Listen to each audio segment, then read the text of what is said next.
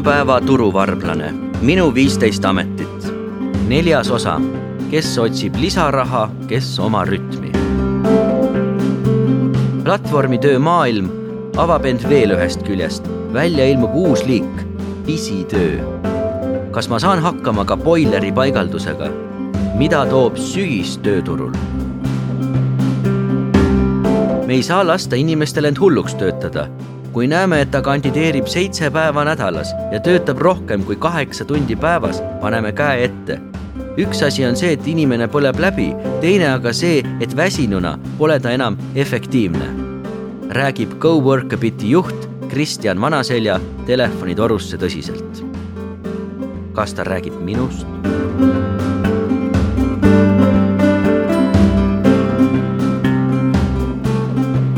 Õnneks minuga päris nii hullusti ei läinud. ehkki käisin juhutööde platvormil iga päev ja kandideerisin julgelt enam kui üheksakümnele töökohale, tegin augusti jooksul kokku viisteist tööampsu. oleksin tahtnud rohkem, aga igaks päevaks mulle kahjuks tööd ei jagunud. selle aja jooksul olin nutikassa teenindaja ja müüja, komplekteerija laos, saaliabiline rõivapoes, abitööline ehitusel, abikokk restoranis kaks korda. soojaleti teenindaja, kaubakäitleja, nõudepesija, abiline puitsoojakute tehases, kokk, abiline loomade varjupaigas, hommikusöögi teenindaja, tanklatöötaja ja trepipiirete paigaldaja. vahepeal tundsin end kui näitleja, keda ootab iga päev uus roll. õhtul riputasin põlle nagisse, hommikul panin kiivri pähe ja võtsin akutrelli pihku järgmisel päeval müüsin kliendile Red Bulli. seitsesada üheksakümmend kuus koma kolmteist eurot.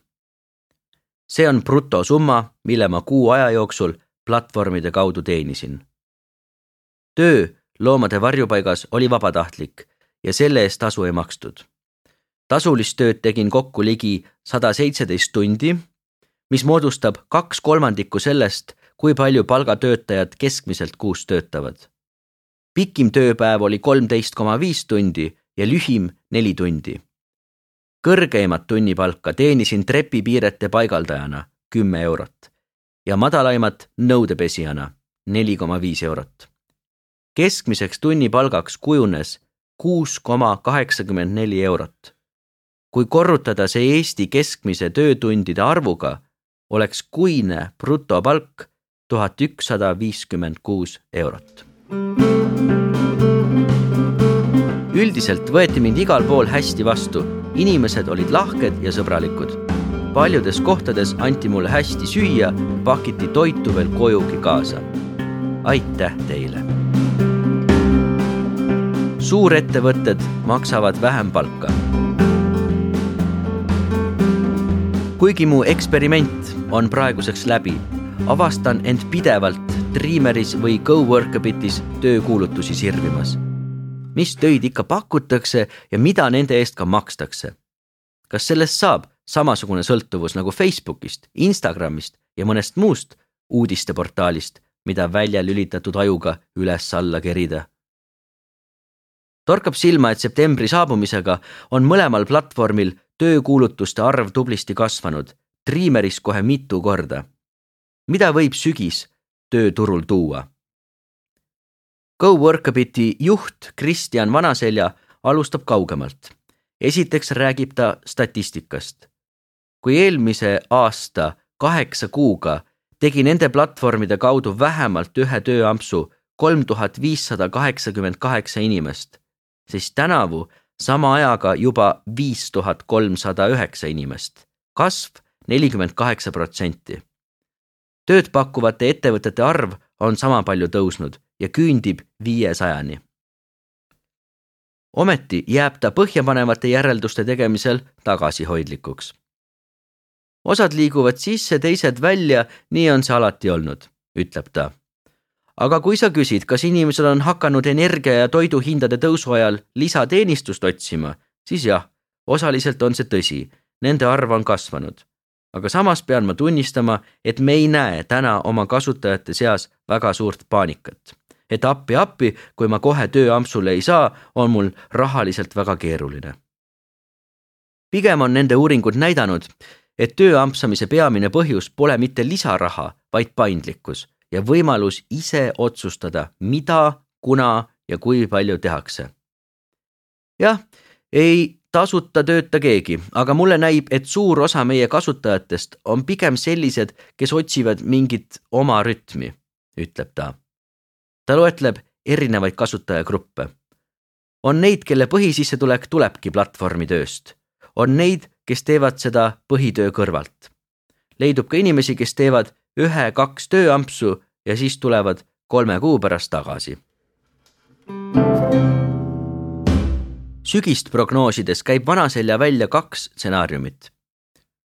ühe variandina näeme, et kuna majandusseis halveneb, hakkab ettevõtete vajadus töökäte järele vähenema. samal ajal on inimeste toimetulek üha suurema surve all, mistõttu otsivad nad lisasissetulekut, mis omakorda tähendab, et konkurents ühele tööampsule muutub tihedamaks teine variant on tema hinnangul see, et suurt langust ei tule, kuid määramatust on endiselt palju, mistõttu on firmadel üha keerulisem prognoosida, kui palju töökäsi vajavad nad järgmisel nädalal või kuul. kuluridasid kontrollitakse üha hoolikamalt. seetõttu eelistatakse püsikulude, palgaliste töötajate asemel paindlikumat lahendust. võtta vajaduse korral appi kaks-kolm tööampsajat, pakub Vanaselja. see võiks teoreetiliselt tööampsude pakkumist paisutada. samas möönab ettevõtja, et kui koroonakriisi ajal tulid paljud koondatud inimesed nende platvormile, et uusi väljakutseid otsides aeg-ajalt mõni tööamps teha, siis sel sügisel ja talvel võib aset leida risti vastupidine protsess.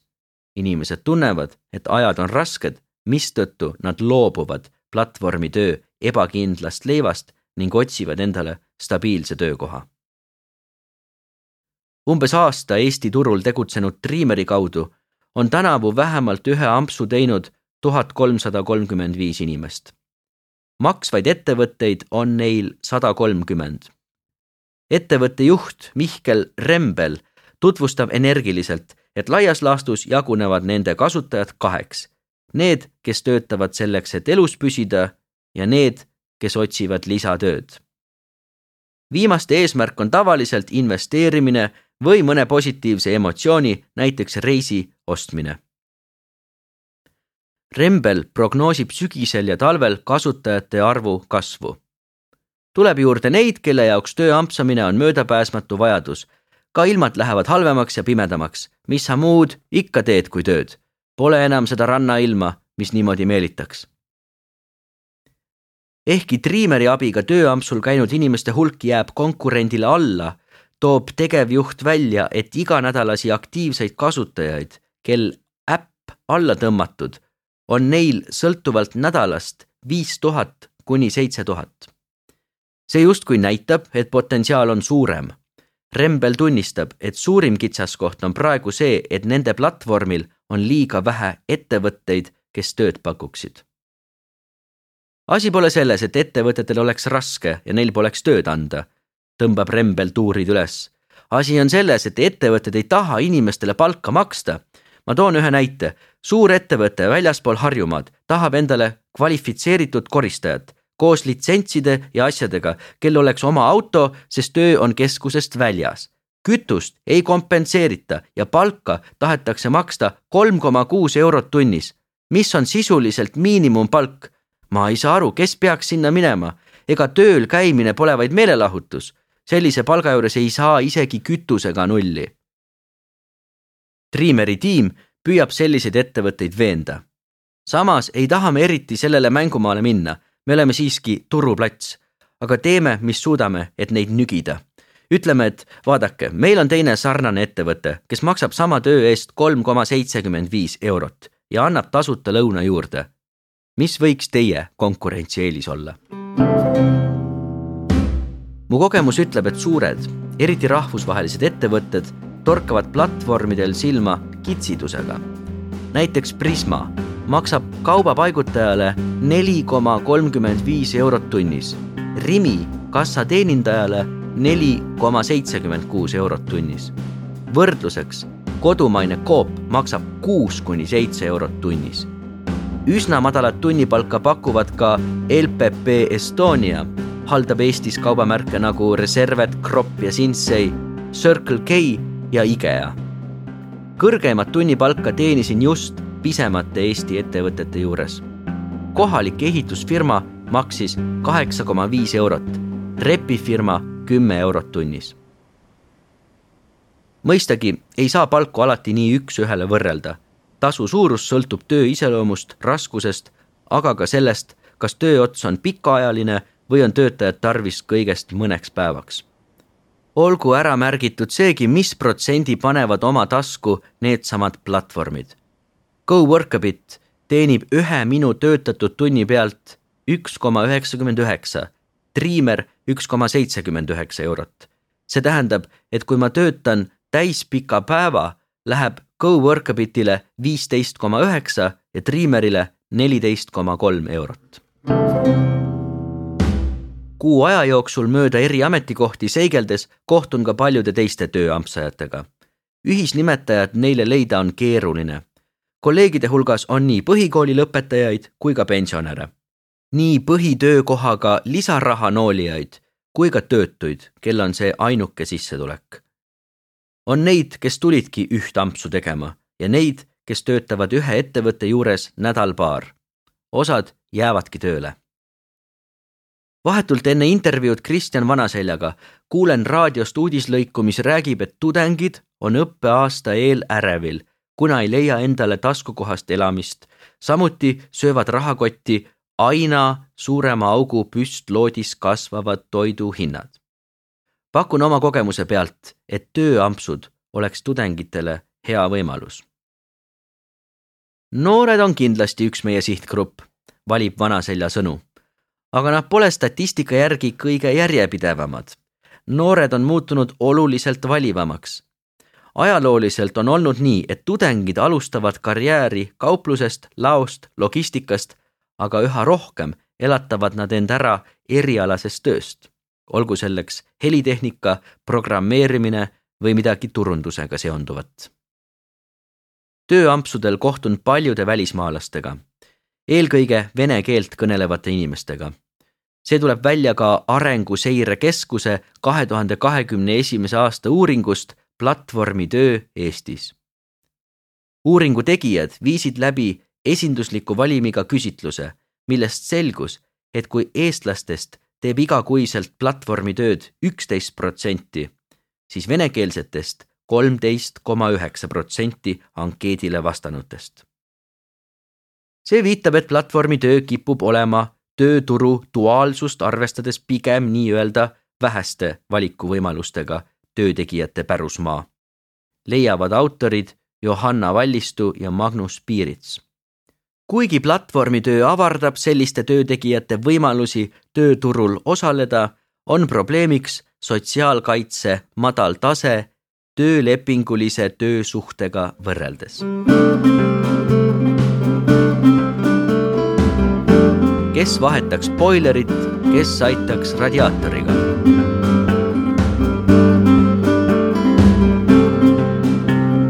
ehkki kõrvaltvaataja võib kogu platvormi töö ja töö ampsamise ühe mütsi alla panna, on see maailm tunduvalt mitmekesisem ja varjundirikkam. vähemalt nii räägivad Eesti ettevõtted Pocket Pro ja Doable, endise nimega Handys. Nad toovad mängu uue mõiste, pisitööd. poolteist aastat tagasi asutatud Pocket Pro juht Kärt Viltrop nimetab pisitööks seda, kui inimene ei lähe appi mitte ettevõttele, ehkki ka seda võib ette tulla, vaid ennekõike teisele inimesele. Lähen tegema midagi, mida ma väga hästi oskan ja tahan teha. paigaldan hea meelega kellelegi boileri, hoian mõne õhtu last, panen mööblit kokku või koristan kodusid, selgitab Viltrop. selliste pisitööde vahendamisega Pocket Pro peamiselt tegelebki Need on sajad tuhanded tööd, mis on jäänud tegemata või tehtud suure vaevaga, sest tellijad ei leia teostajaid ja vastupidi, ütleb ta tööampsudeks peab Viltrop aga pigem kindlates ettevõtetes töötamist ja niinimetatud aukude lappimist. ettevõtte soov on, et nende kolmepäevane laotöö saaks tehtud. nii otsitakse puuduolev inimene. samas on need tööd, mida pikas perspektiivis pigem teha ei taheta ja kus ei saa rakendada oma väärtuslikemaid oskusi. seetõttu lähevad tööampsu platvormid ja pisitööde pakkujad eri suunas. renditööjõu vahendamise seisukohast täidavad GoWorkabiti ja Dreameri sarnased keskkonnad oma eesmärke väga hästi. ent pisitööde puhul on nii Eesti kui ka paljude Euroopa riikide vajadused katmata. me tahame viia inimeste teadvusesse, et neil on arvukalt väärtuslikke oskusi, mida enda kasuks tööle panna. samas tahame kummutada müüti, et professionaalseid pisitööde teostajaid on raske leida, sõnab Viltrop.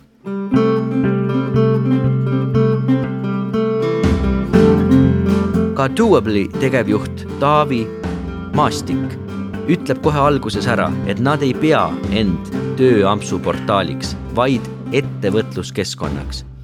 lühidalt öeldes tähendab see seda, et nad ootavad oma platvormile hakkamist täis inimesi, kes on oma ala spetsid ja soovivad paindlikult töötada. samas olevat saada ka lihtsamaid töid. sarnaselt Pocket Proga on osa nende fookusest eraisikutel, kes aitavad teisi eraisikuid. kuid Maastik rõhutab, et järjest rohkem keskenduvad nad ka ettevõtetele ja nende jätkuteenustele, mida firmad ei saa või ei ole motiveeritud ise oma klientidele osutama. me tahame luua ühiskonnas uut väärtust. ühelt poolt tuua inimesi ettevõtlusse, lõigates ära bürokraatlikud takistused, aga teiselt poolt vähendada kulusid ka kliendi jaoks. Tüüpiline äri toimib ühiskonnas nii, et me tellime mõnest ettevõttest spetsialisti mõnd tööd tegema. aga rahast, mida me firmale maksame, maandub spetsialisti kontole väga väike osa. samas võiks ta oluliselt rohkem teenida. see on ettevõtlusrevolutsioon, mida me plaanime, räägib Maastik. Lähen vaatan ka oma silmaga järele, mis töid Doable'is pakutakse. Keegi soovib bidee duši paigaldamist ja ühendamist. teine tahab vannitoa remontijat. kolmas kurdab, et tema radiaator ei lähe soojaks kes tuleks ja vaataks üle. jah, need on tõesti spetsiifilisemad tööd, mis vajavad oskusi ja eelnevat kogemust. samas tahab keegi pinnase ja kruusa äraviimist hoovi pealt. seda võiks teha küll. taoliste pisitööde turg on tegelikult meeletu, kinnitab Maastik kõik kodu- ja remonttööd, ehitus- ja koristustööd. me näeme, et ka Eesti hakkab oma jõukuselt liikuma sinna, kus paljud inimesed ei soovi neid töid enam teha üle kolmekümnesed lähevad veel ise ehituspoodi ja hakkavad mässama, aga nooremad väärtustavad oma aega ja hobisid nii palju, et tellivad pigem spetsialisti peale. meie ülesanne ongi teha see võimalikult lihtsaks ja mugavaks. ühes on aga kõik intervjueeritavad ühel nõul. Platvormitöö ja paindlikud töölahendused, kus inimesel on vabamad käed valida, mida, millal ja kui palju ta teeb on globaalne trend, mis pole Eestis oma täit ulatust veel saavutanud.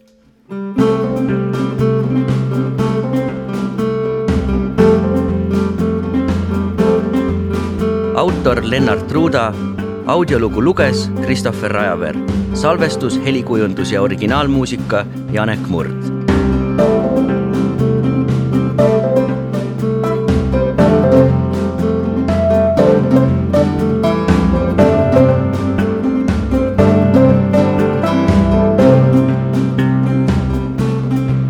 Levila kaks tuhat kakskümmend kaks